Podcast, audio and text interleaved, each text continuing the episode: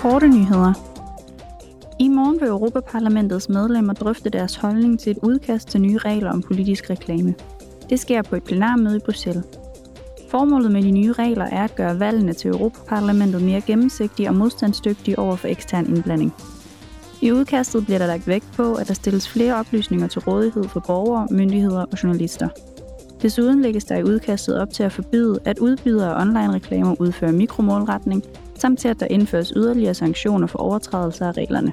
Parlamentets endelige standpunkt vil blive afgjort ved en afstemning, der finder sted på torsdag. I morgen vil parlamentsmedlemmerne også præsentere deres prioriteter på migrations- og asylområdet. Det sker forud for det ekstraordinære møde i det europæiske råd, der finder sted i næste uge.